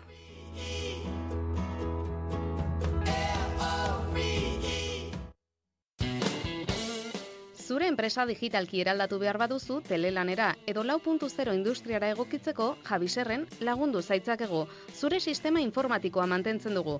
Neurrira egindako aplikazioak eta web horriak garatzen ditugu.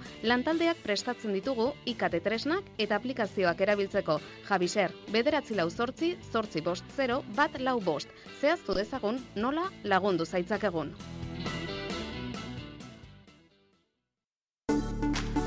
Geuretik sortuak, euskaratik eta euskarazko ekoizpen artistiko eta kulturalak. Martxoak emezortzi, ostirala, arratzaldeko zazpietan uarteko arte garaikide zentroan, sexberdinak antzezlana. Txantxaka konpainiaren eskutik Telmo Irureta eta Aitziber Garmendiarekin sarrerak salgai uarteko kulturetxean eta udalaren weborrian.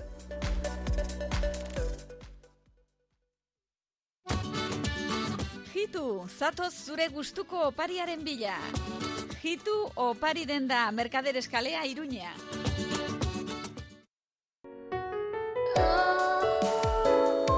Nazioarteko poesia eguna martxoaren hogeita batean, astelenean, arratsaldeko zazpi terdietan, karrikiri elkartean, elurra, elurraren gainean, liburuaren aurkezpena eta errezitaldia.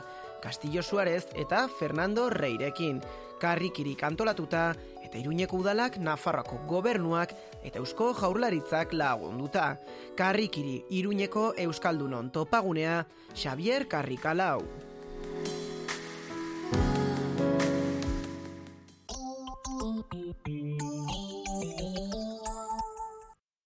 Qué duda cabe que los protagonistas indiscutibles de mi supervivencia son todos y todas las profesionales de la salud que trabajan. En el momento en el que recibes la noticia, un jarro de agua cae fría sobre tu cabeza. Comienzan las dudas, los miedos. Poco a poco se suma el cansancio y el dolor, y en los mejores casos como el mío, llega la victoria.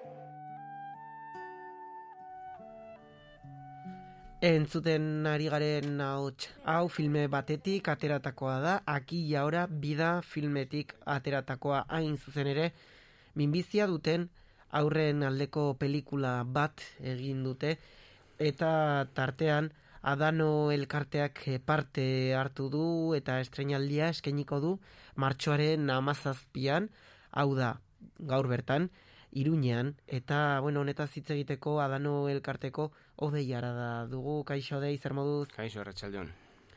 Beno, e, filme oraindik ikusteko aukerarik ez dugu izan guk, ez zuk uste dute ez banago ere, ez. duzula aukerarik izan, baina, beno, e, pixkate zer dela eta ez, e, filme hau sustatu edo ekarri orain. Bueno, hau zuzendariaren gauza izan da, ba, onelako pelikulak egiten dituzte, eta Koreian beste gauza bat filmatzen ari ziren, eta adanoko langile bat Koreakoa da, ezagutu ziren, eta bueno, ba, hortik sortatu zen pixka bat kasualitatez guzti hau. Eta Mhm. gero, ba, zuzendaria proposatu zion adan hori ba, pelikula hau egitea, hasieran bakarrik Nafarroan egin bar zen, baina bueno, gero Aragoien ere ba, beste asoziazio bat dago, Aspanoa, eta beraiekin ere ba, elkarrekin egin dugu. Mhm, bai, e, minbiziaren aurkako borrokaz askotan hitz egiten dugu, eta minbizian pentsatzen dugunean batzutan ere ahaztu egiten dugu, ez, aurrek ere jasaten dutela, e, ze garrantzia dauka e, aurren minbizia ikustaraztea. Bueno, uste dugu garrantzitsua dela jendeak ezagutzea, jakitea hor gaudela, nortzu garen, gertatzen dela, zorionez kasu gutxi daude hemen Nafarroan, eta gehiengoa eneko irurogeita mar, eneko larogei ingurua sendatzen dira, baina bueno, ba, hor gaude eta beste batzuk ba, ez dira sendatzen eta beti buruan izan behar ditugu. Mhm. Minbiziaren aurkako borrokan, gaixotasun askorenean bezala, funtsezkoa da inbertsioa, ba, investigazioanez, ikerketan. Bai, gu justo adano gehiago gara laguntzen dugunak zuzenean familiei, seme alabei, umei, osea, gu bertan gaude, ospitalean, baitu bolondresak, iten ditugu jarduerak kanpoan, aizialdia, investigazioan edo gu ez dugu gor ez ezin dugu gutxi egin dezakegu edo deus. Mhm, bai. Eta, bueno, pixkate ze laguntza behar dute familiek, hemen entzuten genuen, ez? E, nesk, e, aur bat edo, bueno, gaztetxo bat behintzat entzuten genuen hor atzean e, filmaren hasieren esan ez, bueno, borrokatu behar dela, batzutan ere, edo, bere kasuan bezala garaipena ere etortzen dela, baina eskerrak ematen zizkien, e, bueno, bere ondoan egon direnei, eta batez ere, as, osasun adituei, ze laguntza ematen duzue adanotik, edo ze laguntza behar dute familiek? Bueno, pentsa badaudela familia guztietak, eh, mota guztietako familiak, batzuk ez dute atzerrikoak dira, hizkuntza arazoak dituzte, ez dakite komunikatzen, e, diru sarrerak ere eskasak dituzte, ospitalera joatea ba, batzuk joaten dira autobusean eta minbizia dute eta koronavirusarekin ba, egoera nahiko larria bizizan dira, orduan taxiaren aukera, kanpo dotarrak, osea, iruñakoak ez garenak ere, etortzen garenean, aparkatu behar dugu, eta badago, ba, parkinarekin konbenio txiki bat, orduan merkeago, e, ezagin nola esaten den, minusbalidos, edo txartela urdina hori lortzeko aukerak ere badaude, orduan, bueno, pixkat, e, bizitza erraztea edo, saiatzen da, kasu horietan, egoera horietan, pixkat erraztea gauzak edo laguntzea gutxienez. Mhm, Bai, eta beno, ez ze garrantzia du familien esperientzian laguntza horrek, e, bide horretan, azkenen borroka horren bidean, minbiziaren aurkako borrokaren bidean. Bueno, ez, mm, nire kasuan edo gure kasuan asko egiten du ba ospitalera joatea eta antzeko egoeran dauden beste familiekin egotea, hitz egitea, ez zaera zu bakarra, daudela gehiago, ulertzen dizute, ulertzen diezu, kanpoan edo egoera hori bizitzen ez duen beste honor, pues da, da egoera oso ezberdina eta oso zaila da benetan ulertzea eta sentitzea. Bai, aipatu duzu, bueno, nola e, hasi zen, ez, e, filmaren hasiera, nola, bueno, abiatu zen proiektua, filma okerez banago, bueno, e, gaztei, ez, e, kontzientzia, gazten kontzientzian eragin nahi du, ba, pixkate, ebreien ere ikustarazteko aurren minbizia hor dagoela, hori normalizatzeko, baina, gainera, bueno, pues, mezu bat, ez, zabaldu nahi duzue filmaren bidez, zein zuen ere estereotipo negatibo horiek ekiditea. Bai, pixkat, justo nik estena batzuk ikusi ditut, eta agertzen da ez, ume bat sendatu dela, bueltatzen dela bere herrira, eta bere ezagun batekin elkartzen dela, eta esaten dio, pero ja no kontagias, eta beste, ez, hau ez du kutsatzen, nora kutsatu behar zaitu, eta da nire gaixotasuna bakarrik ez. Orduan, pues, bueno, pixkat usten ditu, azaltzen ditu, ikustarazten ditu, divertigarria da pelikula, osea, baditu bere zati tristeak edo, baina, bueno, pixkat alegriarekin ikusteko. Mhm, Bai. E, tus ojos hogei hogeita mar, tus ojos bi mila hogeita mar e, ekoiztetxeak egin du Adano eta Aspanoaren alde. Bai, bai, beraiek, pues, bueno, horrelako pelikulak egiten dituzte, e, UNICEFekin uste zerbait ere egin zutela, Koreian beste gauza bat, ditzen diote cine sozial, Orduan, ba, bizkat, bueno, jendea kontutan hartzeko gauzak, da ikusteko, ez da, ez dira pelikula komertzialak. Osea, ez Mhm. dira Hollywoodeko edo horrelako pelikula dira oso ezberdinak, eta orduan, pues bai, beraiek, bueno, horrela, horrelako gauzak, oso interesgarria. Mhm. Eta Nafarroan grabatu izan da, edo... E, grabatu da zerbait aragoien, eta gero asko Nafarroan hemen Iruñan grabatu da, eta gero ere Koreian grabatu da. Mhm. Beraz, bueno, mengo filmataren, Bai. behintzat ere, bueno, ba, hemengo, hemen ere kokatzeko, ez hemengo testuinguran kokatzeko ere, balio du askotan ere jendeak horrela gehiago Bai, empatizatzen bai, bai, duelako. Rokopolis ere agertzen da, Senda Biba, bai, bai, hemengo Nafarroko leku askotan kokatu da, eta osasuna ere ateratzen da, Mhm. osea, hemen, hemen asko filmatu da, bai. Mhm. Ba, odei arada, ustute honekin dena dugula esan da ez, okerez banago, gogoratuko dugu, iruñan, gaur bertan.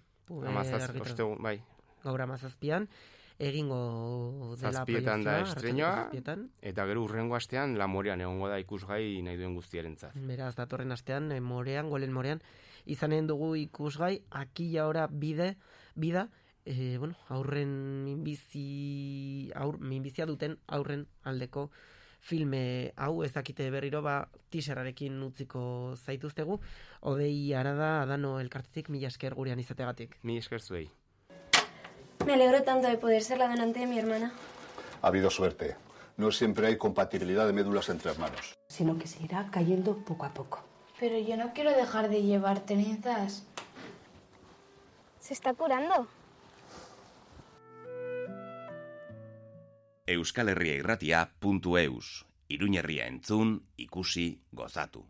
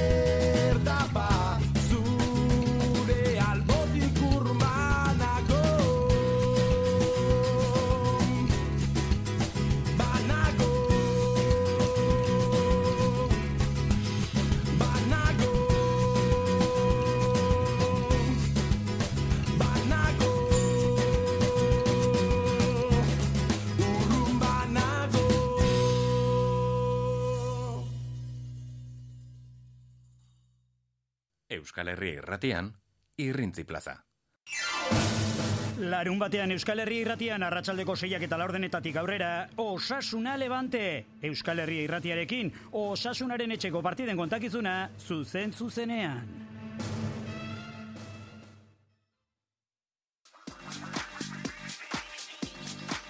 Ain't got no home, ain't got no shoes, ain't got no money, ain't got no class, ain't got no skirts, ain't got no sweater, ain't got no perfume, ain't got no love, ain't got no faith. Hementxe jarraitzen dugu Irrintzi Plaza saioan zuzen zuzenean Euskal Herria irratian. Arratsalde e, odeitsu eta gris honetan baina orain e, kolore jantja bat jarriko diogu arratsaldeari. Eginen dugun iragarpenarekin. Bihar antzerkia izanen dugu hemen Iruñerrian uarten zehazki eta antzerki lan garrantzitsu bat ikusteko aukera izanen dugu. Sex berdinak izanen e, e, dugu aukera ikusteko. Obra hau jantxaka antzerki taldeak e, ekarriko diguna. Eta bertan eszenatoki gainean Aitziber Garmendia eta Telmo Irureta aktoreak eta bibiak ditugu orain telefonoz bestaldean. Telmo, arratsaldeon. Gaixo, Arratzal León. Aitziber, arratsaldeon. Kaixo, atxaldeon. Osongi, funtzionatzen du denak, osongi, primeran. Orain ez zaudete elkarrekin, ez da? Bagoitza punta batean zaudete, ez da?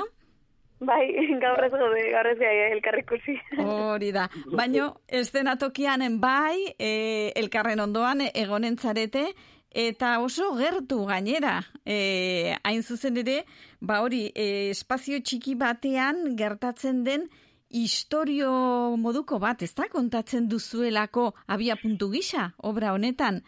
Konta iguzue, ze, zer da obra honen mamia? Nor hasiko da, Telmo edo, edo Aitziber? Auto, autorea ez da bila, favore. Telmo, ze kontatzen duzue obra honetan? Ba, dia, bi personaje igogailu batean ezagutzen dianak, eta egiten dute, ba, maitasunaz, sexuaz, eta sentimendu ez. Mhm, Horixe. Eta zu, Telmo, zu zer zara kazetari bat, ez da, obra honetan? Bai, bai, hori da. Eta- Kazetaria eta barkat gauneko paralizia. Orduan, nire gauza daude enfokatuak ere bai, minutualian puntotik. Hori da. Bizipenak dira ere bai. Horixe. Eta Aitziber eh, goxoki saltzailea da, e, zuk ez duzu e, mugitzeko arazorik E, hola, muga fizikorik ez duzu, akaso bestelakoak bai, beste- ez? Beste paralisi batzuk baditut. Hori ge- hori gertatzen da askotan, ez da? Bakarri fijatzen garela, ba, hola, desgaitasun hoietan, gureak ikusi gabe, Bai, bai. normalak garelakoan, edo? Bai, bai, bai, bai. Normaletik oso urrungo dut, eta eh, neurri batean eskerrak, ez? Eh, Ze aspergarri da normal hitza bea. Orduan ikusten bai telmoren pertsonaia eta bai nire pertsonaia normaltasun horretatik urruntzen dien e, bi pertsona diela. O, mm, bakoitza bere paralisiekin. Bai. eta bere, bere, bere minusbaliekin, eta, bueno, bere alde on pila batekin. Baina oso, oso pertsonaia, ba, bueno, e, hasiera batean xamurrak dira, baina, bueno, arpegi ilunago ere azalduko zaie gero. Mhm. Eta hor, e, ba, egoera berezi horretan, ez da, igogailu batean, e, hor denbora tarte batez, biak elkarrekin, eta hola, hasten zarete, ba, zuen gauzetaz hitz egiten, eta denetikan hitz egiten duzu pixka batean, ez da, eta e, zer ikusteko, e, nolakoa den e, bestearen e, bizitza eta bizi modua. Bai, Bai. kontuak dira, diala oso bizipen ezberdinak, baina ere bai asko daukatela komunean. Azkenian ez gea hain ezberdinak ere. ez. Mhm. Eta kitan bat zikatu eten, eh? Bai, hori da. Bai. Denok azken finean baditugu antzeko sentipenak eta beharrak, ez da? Emozioak, Bai. emozioak eta sentipenak eh, antzekoa dira, naiz eta motiboak ezberdinak izan. Mhm. Oan, Hori da. ikusten da, hori, toke, ba, pertsona gara, eta guztia daukala gure debilidadeak, edo gure ametsak ere bai. Oso gai garrantzitsuak e, ukitzen dituzue obra honetan, oso sakonak, baina zuek biok ezagututa umore puntu bat emanen diozue, ez? bai, puntxu, puntxu bat baina gehiago. bai, bai, gaina, eh, saiatu, saiatzen gea gaia, ba, bueno, bere gordintasun hortan baita lantzen, baina ba, makillatu gabe eta eta ez erriskutatu gabe, eta ze importantea den galdetzea, ez? E, nire pertsonaiak momentu batean nik hori telmoren pertsonaiari galdatzen diozun, lamulatzea txortan eitzeko. Eta eta badia galdera batzuk, ba, igual normalean espero ez ditugunak, eta, bueno, iruditzen zait importantea diela galdera horiek, eta, eta noski importanteak erantzunak. Eta, bai, Bai. bildu ditugu ere bai, normalean jendeak egiten ditun galdeak edo jakin nahi ditun gauzak, nahi bizitan, ba, askoran galdetu dizkaten gauzak, ba, oian zonoia jaso ditugu, ba, publikoari jakinarazteko. Galdetzen dizkizutenak eta batzutan e, ausartzen e, ez direnak e, galdetzera ere bai, ez da? Horixe. Mireia Gabilondo izan da zuzendaria, eta, bueno, imaginatzen dugu bikain arituko zinetela berarekin, ez da, denok profesional handiak zaretelako. Eta berezia ere, ba, ze testu inguruan sortu den obra hau, ez da, guretik sortuak e, udalbiltzaren ekimenaren baitan sortu baita. Horre, ba, bueno, lehenbiziko aldiz, beka hau deitu dute, eta oso emaitza ikaragarria izan du lehenbiziko urte honetan, ezta? Eta hemen ikusten ari gara liburuak, e, zinema saioak, e, antzerki obrak, denetikan pixka bat. E, zuek, nola sentitu zarete esperimentu moduko honetan? Jo, ba, politia izan da. Politia izan da lehenik eta behin em, ekimen hauek sortzeko indarra eta gogoa daula ikustea. Eta, bueno, lehenengo aldi hontan guri tokatu izana, ba, jo, gogoratzen naiz poz hartu genuen. Ja, de repente bazan, e, hogeitik hogeita zortzi emanaldi bitartea itxeko aukera bat, eta jo, hori kriston oparia da. Gaur egun estrenatu, Hori, eta hogeita zortzi emanaldi. Bai, bai. Euskarazko sormena bultzatzeko, euskal kultura bultzatzeko eta harremanak ere bai, ez? E, Euskal Herriko txoko guzietako jendea ari zaitelako parte hartzen eta eta joaten, ez da, herrietara. E, Bai. Hor, egonaldiak ere egin izan dira, ez da? Herri zerri e, obra hauek guztiak eta antolatzeko. Zuen kasuan, egin duzu egonaldirik, non egon zarete? Telmo? Ba, ingenun ahaigoiagan, Mhm. eta han egon ginean, ba, uela ikutan bezala. Ze ongi. Eta ondo, ensaiatzen aritu ginean, eta testu ere bai aldatzen junda, e, egokitzen jungea. Eta gero, ba, izan dugu mireia, eta ere bai, e, doleta eta bizkaia ibilida, zuzenari laguntzaile bezala. Da ondo, pozik ibili. Bai, bai, bai. Eta orain, hori ba, emanaldi pila e, urtarrilaren hogeita batian estrenatu zenutenetik, ba, hoxez, ja, ibilbide luzea. Bihar hemen iruñerrian egonen zarete, uarteko arte garaikidearen zentroan, arratsaldeko zazpietatik aurreran, eta okerrezpanago, e, ara bertaratzen dene publikoa, ez da eserita egonen aulki, lau hankako aulkietan, ez da? Gurpilun aulkietan eserita dago da publikoa. Eta hori zer dela eta? Ba, bueno, hori e, izan zen Fernando Bernuez e, estenografia zarduratu den e, Fernando Bernuezen planteamentu bat oso ausarta irutu zaigu hasierako hasieratik eta eta bueno, bada nolabait modu bat publikoa pixka bat e, telmoren azalean edo telmoren egoeran dagoenaren azalean jartzeko. E, orain arte ondo atera desperimentua eta jendeak espero ez genitun e, ba, reakzioak izan ditu. Orduan, ba, bada zerbait diferentea. Ba, pixkat, e, esklusiboago edo egiten duna e, manaldia. Irurogei aulki daude, e, urpilun aulki, orduan, ba, bueno, ba, limitazioa ondi xamarra da. Baina, bueno, limitazio hori erabilizagun, ba, ba, onerako, ez, alde positibo gisa. Aha, beraz, e, igual eszenografia gutxi eraman beharko duzu zuentzat, baina publikoarentzat irurogei aulki garraiatzea, uf, oi, Bai. importantea da hori, ez? Jo. Hori tekniko igaletu beharko zaie. Bai, bai, bai, bai, bai. Oso ongi. Ba, hori dena, uarteko arte garaikidearen zentroan, e, bihar arratsaldeko zazpietan gaia, tokia oso aproposa da, ez? E, hor toki zabala, eta bueno, ondo. eta mugitu alizateko.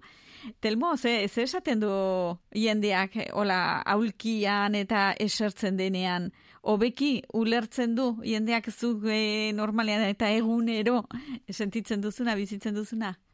Bai, nik usten ega ez, e, antzerkiak irautan onden bora hori, baina egon dia pentsatzen edo hausnatzen, ja aurkitan egotia eserita beste, beste txip bat edo beste ikusteko modu bat eskaintzen dizu. Eta nik uste nahiko interesantea da. Bai, bai, bizitza beste modu batez ikusteko.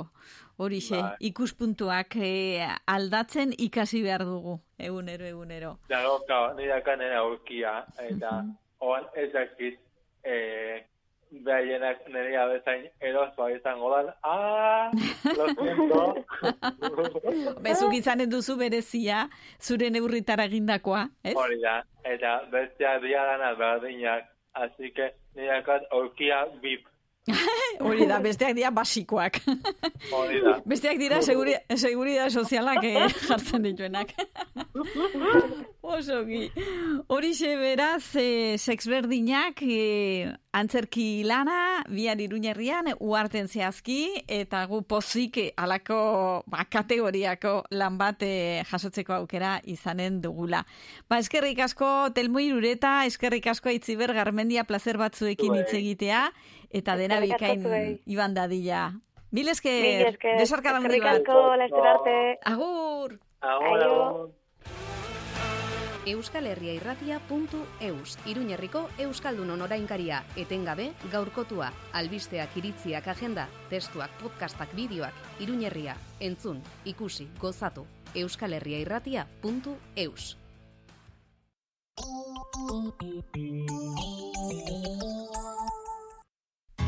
Kirola egitea gustuko duzu? Itxaso karabanak zuretzako diseinatutako kanperrak. Mugarik gabe bidaiatu nahi duzu? Zuretzat diseinatutako autokarabanak eta karabanak. Bidaiatzeko orduan erosotasuna bilatzen baduzu, itxaso karabanak. Eskirozko bigarren eskualde industrialdean, iruñetik bost kilometrora. Hogeita mar urte baino gehiago bizi eta bizi modu honetaz gozatzen.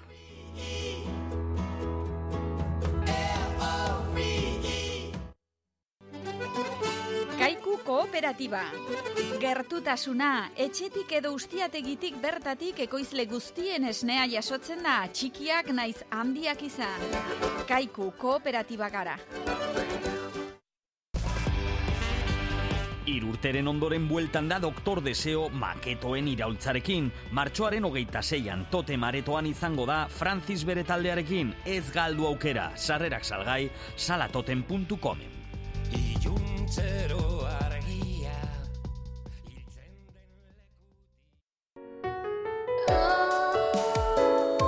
Nazioarteko poesia eguna martxoaren hogeita batean, astelenean, arratsaldeko zazpi terdietan, karrikiri elkartean, elurra, elurraren gainean, liburuaren aurkezpena eta errezitaldia. Castillo Suarez eta Fernando Reirekin.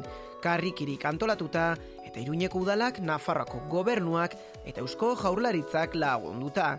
Karrikiri Iruñeko Euskaldunon topagunea Xavier Karrikalau.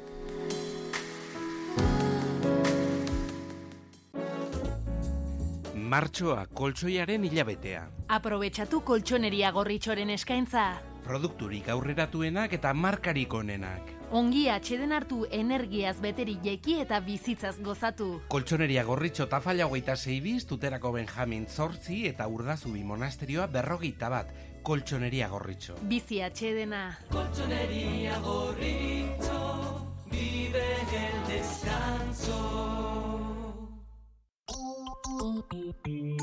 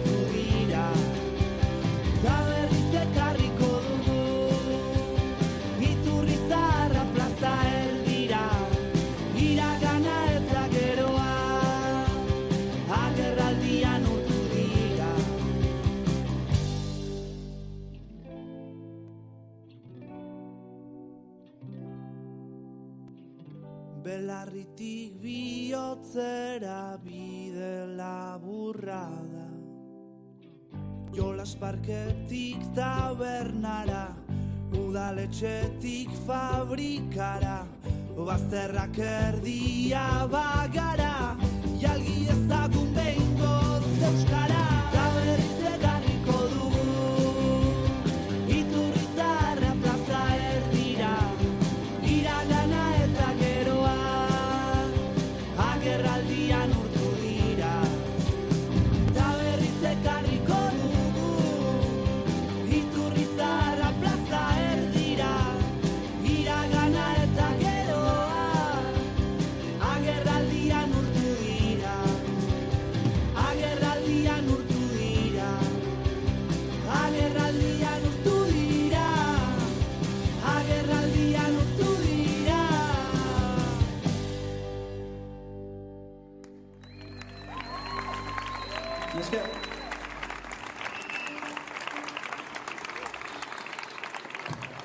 Irrintzi plaza.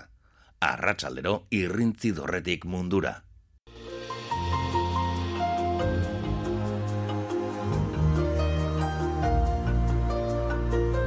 Zazpi minutu terdi besterik ez gure saionen amaierarako, hau da, arratsaldeko seietarako, eta minutu hauetan e, babilduko ditugu, egunean zehar aipatu ditugun hainbat e, albiste. Eta asteko baberrienetik hasiko gara, hilik aurkitu dute aste artean larran desagerturiko mendizalea. Hildakoa berrogei urteko gizonezko bat da, gazteiztarra. Hiru erregen maira igotzeko bidea hasi zuen orain dela bi egun eta iluntzerako bueltatu gabezela ikusita bilaketari ekin zioten. Euraldik askarra zela eta ezin izan dute gaur gorpua hartu eta bihar jasoko omen dute. Beraz, e, hilda argitu aurkitu dute azkenean e, ba, berrogei urteko gizonezko hau. Eta horre lintzako aterpetik e, abiatu omen zen eta hoxeia galdu egin zen. Artean aterpetxea itzuli gabea zen iluntzerakoa, iluntzerako esan dugun bezalaxe eta horregatik hasi ziren haien bila suhiltzaileak eta erreskate teknikorako taldeko hainbat kide. Ibili dira mendian barrena eta gaur aurkitu dute azkenik e, ba, arratsaldeko lehenbiziko orduetan. Guardia Zibilek e, zehaztu dutenez e, ukerdi mendian atzeman dute mendizalearen gorpua, esan bezala, ba, arratsaldean, irurak aldera, mendiaren iparraldeko magalean zen zehazki, Aragoiren mugatik hurbil ilotza aurkitu izanagatik erreskate zerbitzuek ez dute erdi etxiura jasotzea eguraldi girua berezikina hasia baitzen gaur. Azaldu dutenez bihar joko dute bertara atzera ere gorpua hartzeko.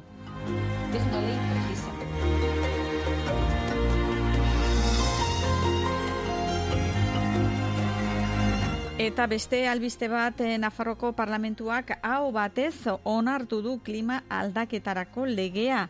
Bi urteko ibilbide luzearen ostean Itziar Gomez landa garapen eta ingurumen kontseilariak nabarmendu, nabarmendu du lege handia dela eta administrazio publikoari, enpresei eta gizarte osoari eraginen diola. Entzun ditzagun Itziar Gomezen hitzak. Y es una ley precisa, puesto que desarrolla normas concretas, no se limita a ser declarativa. Y por poner algunos ejemplos de diferentes ámbitos, en el ámbito de las energías renovables y considerando el potencial de reducción de consumo energético y de emisiones energéticas de los diferentes sectores y actividades que se llevan a cabo en Navarra, esta ley foral establece obligaciones para promover la generación de energía renovable. Berrogeita mar eh, boto alde, bat bera ere ez kontra. Nafarroko parlamentuko sei taldeetako parlamentariek eh, txalo egin diote gaur goizean eh, klima aldaketaren legeari. Aurkezpenean Itziar Gomez, Nafarroko gobernuko landagarapen eta ingurumen kontseilariak azpimarratu du garai egokian datorrela klima larrialdia eta krisi energetikoa ate joka diren honetan. Azaldu du legealdi hasieratik egindako lanaren emaitza izan dela eta Europako batasunaren xedeak bere egin dituela 2000 eta hogeita marrerako gaz isuriak euneko berrogeita mabost murrizteko. Gomezek e, legearen nondik e, norakoak labur bildu ditu. Haren esanetan e, sektore ekonomiko guztietako enpresei eta oroar gizarte osoari eraginen die. Dioenez, lege honen bitartez, Nafarroak ekarpen handia eginen du klima aldaketaren aurkako borrokan. Eta orotara, ba, itzaurreaz gain, larogeita malau lege artikulu ditu lege berri honek eta amaika xedapen gehigarri. Bi urte behar izan dituzte klima aldaketaren eta transizio energetikoaren legea lantzeko. Zehazki, parlamentura irailean iritsi zen lege proiektua eta batzordetatik ingurumen eta energia arloko adituak eta sektoretako ordezkariak pasatu ostean berrogeita mar guztira, legearen edukiari hainbat aldaketa egin zaizkio. Eta hori da, beraz, gaur eh, onartu egin dutena. Nafarroan jada badugu, beraz, eh, klima aldaketarako lege propio bat.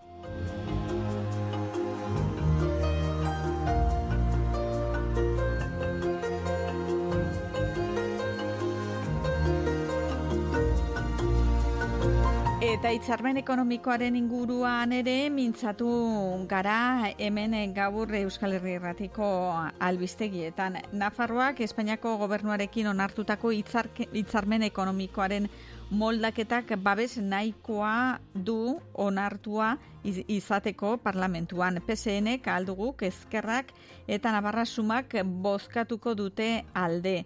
Geroa bai eta EH Bildu abstenituko dira imputazio indizea zehazteko ahalmena galduko duelako foru ganberak.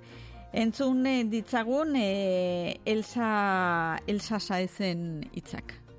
Eh, bueno, pues tras diferentes rondas de contacto, lo que ayer constatamos oficialmente, esas votos suficientes y esas posiciones de abstención, pero lo importante también es que es un mensaje positivo que esta ley tan importante para la ciudadanía navarra pueda ver la luz sin ningún posicionamiento en contra. Hoixe beraz, Elma Saez eh, kontseilariak esandakoa. Entzun ditzagun ere bai EH Bilduko bakartxo Ruizeren, Ruizen hitzak. alderdi sozialistak buru gogorkeria ez jokatu duen, edo erakutsi nahi izan duen, ba, gobernuko ekide duen geroa bai, eta gurekin ez ezik, e, bueno, ba, beste, beste espektro politikoarekin, alegia nabarrasumarekin, e, adostasuna lortzeko ere gai dela erakutsi nahi izan duen, Eta bukatzeko aipatuko dugu, Arantza Sante Estebanen bederatzen da emesortzi gau pelikula gaur eskini dutela, ikuspuntu e, zinema jaialdian. Goizean egin dute pase bat, goizeko amarretan, eta orain e, bigarrena izanen da ratxaldeko zazpietan. Eta hemen Euskal Herri irratian berarekin sola egiteko aukera izan dugu. Preso sozial kako txartean e, batekin izandako pasarte batean oinarrituta dago gauak kontatzeren hori. Izan ere berak em, hori e, kontatu zidan, behin epaileak galdetu ziola, ez epaileak esan ziola, e, bera egona zela epaile bezala bisita aldiak egiten espetxean, eta eta orduan berak esan zion ez epaile jauna zuk, e, kartzela zer den jakiteko kartzelan lo egin behar da, ez? Kartzelan gaua pasa behar da, ez? Eta bueno, horregatik kontatu nituen gauak eta ez egunak. Horixe, eta ideia horrekin eh, bagoaz guk hemen eh, gaua ez dugulako eman nahi, noski. Ba, eskerrik asko zuen konpainiaren gatik, eta asteburu aliketa hobekien pasa, eta gu itzuliko gara irrintzi plazara, heldu den astelenean, ongi bizi, agur! Arratsaldeko seiak dira. Euskadi Erratian bai pasa.